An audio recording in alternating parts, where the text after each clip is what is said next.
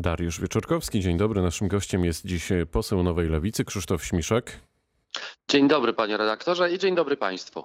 Panie pośle, to na pana wniosek Najwyższa Izba Kontroli e, przeprowadziła kontrolę w sprawie przygotowań do wyborów prezydenckich 10 maja, tak zwanych wyborów kopertowych. Czasu trochę e, minęło. Dziś mamy poznać wyniki tej kontroli.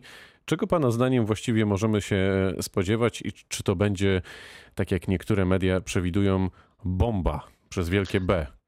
No, ja myślę, że przede wszystkim może być e, dzisiaj po godzinie 10 nastąpić e, trzęsienie ziemi. To trzęsienie, ziemia zatrzęsie się przede wszystkim przed, pod premierem Morawieckim i pod ministrem Dworczykiem. No, mamy sytuację następującą. Ponad rok temu premier polskiego rządu, prezes Rady Ministrów wydał decyzję o zorganizowaniu wyborów w trybie korespondencyjnych. Uwaga, bez podstawy prawnej. Nie było wtedy żadnego przepisu rangi ustawowej, który pozwalałby prezesowi Rady Ministrów zorganizować tego typu wybory. Ba, co więcej, za tą nielegalną decyzją poszły gigantyczne wydatki. My, ja w swoim wniosku szacowałem do Najwyższej Izby Kontroli, że te wydatki sięgnęły około kwoty 70 milionów złotych, ale jak widzimy z przecieków e, raportu Najwyższej Izby Kontroli, być może tych wydatków było ponad 130 milionów. Szanowni Państwo, panie redaktorze, e, w normalnym, cywilizowanym kraju każda władza działa na podstawie przepisów prawa i w granicach prawa.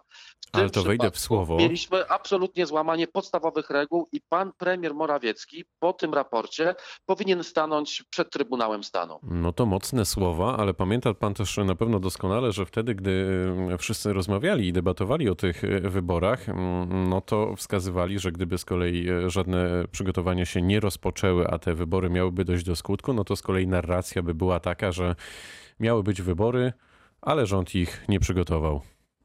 No, panie redaktorze, po pierwsze w Polsce wybory przygotowuje Państwowa Komisja Wyborcza, a nie rząd. E, więc mamy tutaj kolejne wejście e, władzy wykonawczej w buty niezależnej instytucji wyborczej. To zresztą potwierdził przecież Sąd Administracyjny w Warszawie. W, jeśli chodzi o wybory korespondencyjne, mieliśmy do czynienia z szeregiem absolutnych nie tylko nieprawidłowości. Były to skandaliczne naruszenia prawa i to e, nie do, ani do kandydatów, ani do wyborców, ani do polityków opozycji e, nie należy mm, e, tutaj jakby wchodzenie w rolę e, oceny, czy coś stało się legalne, czy nie. To Najwyższa Izba Kontroli i sądy administracyjne potwierdziły, czy potwierdzą pewnie dzisiaj już za chwilę, że pan premier Morawiecki musi za to odpowiedzieć i nie tylko odpowiedzieć politycznie i nie tylko odpowiedzieć przed Trybunałem Stanu, ale to już po 2020 2023 e, roku. Natomiast wiąże się z tym jeszcze jedna odpowiedzialność odpowiedzialność finansowa.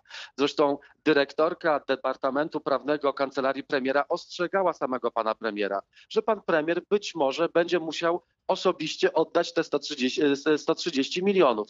No więc mamy dzisiaj do czynienia z trzęsieniem ziemi e, i mamy do czynienia ze skandalicznym, z wyjściem na światło dzienne skandalicznych posunięć, takiego lekceważenia za... i e, instrumentalnego traktowania e, przepisów prawa do celów politycznych. Za półtorej godziny wszystko się mm, wyjaśni, ale sądzi pan, że oprócz tego, o czym rozmawiamy, to Marian Banaś też w pewnym sensie uprawia politykę, to znaczy ostatnie tygodnie, ale nawet miesiące w sumie, to przepychanie się e, między szefem NIK-u a, a partią rządzącą to są tylko merytoryczne argumenty, czy tu już jednak jest tak zwane hakowanie, e, które jest coraz modniejsze w polskiej polityce?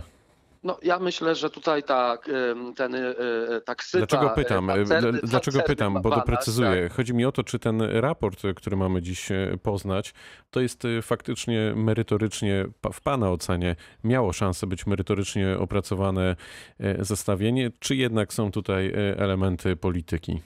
No, raportu, szczegółów raportu jeszcze nie znamy, natomiast znamy z ostatniego roku bardzo wiele argumentów, także tak jak już mówiłem wcześniej, podawanych przez sądy administracyjne, które mówiły, że pan premier naruszył prawo. Nie ma niczego gorszego w państwie prawa niż premier, który działa arbitralnie, czyli działa bez podstawy prawnej. E, Szanowni Państwo, to, to oznacza, że jeśli premier podejmuje nielegalną decyzję w sprawie wyborów, to za chwilę może na przykład zlecić e, służbom e, nielegalne zatrzymanie kogokolwiek z nas, słuchaczy, polityków, kogokolwiek, dziennikarzy, tylko dlatego, że ma taką wolę polityczną, bez podstawy prawnej. W takim państwie nikt nie może czuć się bezpieczne, bezpiecznie, dlatego że prawo nakłada po prostu kaganiec na, na działalność wysokich urzędników, każdego urzędnika i ten kaganiec został zerwany. Jeśli za tym nie pójdą konkretne, mm, konkretne e, na przykład działania prokuratury, e, to znaczy, że żyjemy w państwie, w którym politycy wysokiego szczebla mogą robić z nami co chcą. Mm, Dlaczego lewica chce, kończąc już ten wątek, przechodzimy do, do następnego, no bo za półtorej godziny dopiero będziemy mogli poznać w szczegółach ten dokument. Dlaczego lewica chce zlikwidować Instytut Pamięci Narodowej? Kiedy miałoby się to stać i co miałoby być w zamian? No tak, Lewica y, ukończyła pracę nad projektem ustawy o likwidacji Instytutu Pamię- Pamięci Narodowej, ponieważ uważamy, że ta instytucja y, po prostu wyczerpała już swoje zadanie, wyczerpała swoją misję. Szanowni Państwo, przechodzimy przez czas pandemii. E, Widzimy, jak w dramatycznych e, e, sytuacjach znajdują się szpitale, które, tak jak na przykład szpital, kilka szpitali na Dolnym Śląsku błagało darczyńców o kołdry, poduszki czy czy maseczki. W tym samym czasie Instytut Pamięci Narodowej dostaje ponad 430 milionów złotych rocznie po to, żeby uprawiać e, politykę historyczną e, w wersji e, bardzo jednostronnej, czyli pisowskiej. Ale to może Ten, trzeba zreformować Instytut Pamięci Narodowej, a niekoniecznie Ja już myślę- likwidować. Ja myślę, panie redaktorze, że tutaj e, jakby nie ma już sensu e, reformowania instytucji, która, e, która wypełniła swoją misję. Pa- Pamiętajmy, że IPN został powołany po to, żeby w tej, w tej przejściowej fazie transformacji ustrojowej no, był niezależny organ, który ocenia prawda, tych wszystkich, którzy popełniali na przykład zbrodnie komunistyczne. To się już wyczerpało. Dzisiaj IPN stał się rozsadnikiem prawicowych ideologii oraz miejscem, jak w ostatnich miesiącach widzieliśmy, e, przechowa- taką przechowalnią e, nazioli faszystów, którzy nie wstydzą się swoich, e, swoich związków z organ- organizacjami, które nie mogą działać w Polsce, bo są nielegalne. To kiedy, Więc- kiedy formalne działania w tej sprawie? No, w najbliższych e, dwóch, trzech tygodniach złożymy projekt e, ustawy. Co więcej, ten projekt ustawy e, powoła w miejsce IPN-u urząd, który będzie zajmował się promocją wartości demokratycznych, bo dzisiaj mamy głód i potrzebę wiedzy na temat, e, czy, czym jest konstytucja, czy jakie wartości niesie ze sobą konstytucja. Mamy już dość i mamy w- ten Instytut Pamięci Narodowej jest e, organem zupełnie już niepotrzebnym, z wysokimi zarobkami urzędniczymi, które absolutnie nie spełniają swojej roli. A kto miałby stanąć na czele i w jaki sposób miałby być wybierany szef tego nowego bytu? Ten szef będzie wybierany przez e, Sejm, e, natomiast szczegóły projektu ustawy przedstawimy za 2-3 tygodnie. Nie, e, czeka nas także w najbliższych tygodniach wybór nowego szefa IPN-u. Absolutnie lewica nie będzie e, brała udziału w tym e, cyrku, nie będzie popierała nikogo, ponieważ uważamy, że formuła tego instytutu się po prostu już wyczerpała. Rozumiem. E, Panie pośle, czy w negocjacjach z Prawem i Sprawiedliwością przy okazji rozmów o ratyfikacji Funduszu Odbudowy mogliście ugrać więcej? I jako lewica, ale też w ogóle jako opozycja, no bo taki zarzut niezmiennie od kilku dni i podejrzewam, że jeszcze kilka dni e, e, przed nami podobnych, e, podobnych dyskusji. Mm, Taki zarzut pod waszym adresem najczęściej pada ze strony Platformy Obywatelskiej. Panie redaktorze, zawsze można powiedzieć post factum, że można było więcej, że można było inaczej, tylko pytam tych wszystkich dzisiaj aktywnych krytyków tego zdecydowanego ruchu jednostkowego, incydentalnego ruchu lewicy, e, co oni zrobili, bo ja chciałbym, ja już naprawdę mam y, e, dość tych przepychanek, ale może kilka sekund wyjaśnienia faktów. Platforma Obywatelska, Polskie Stronnictwo Ludowe zaspało, szczególnie Platforma Obywatelska zaspała, nie miała, stała Zaspała czy nie- przelicytowała? Myślę, że zaspała, dlatego że nie mieli pomysłu. Chcieli głosować przeciwko pieniądzom dla ludzi, potem e, mówili, że trzeba za, potem zmienili zdanie, w końcu się wstrzymali. Platforma Obywatelska nie potrafiła określić swojego stosunku do najważniejszej kwestii cywilizacyjnej ostatnich lat.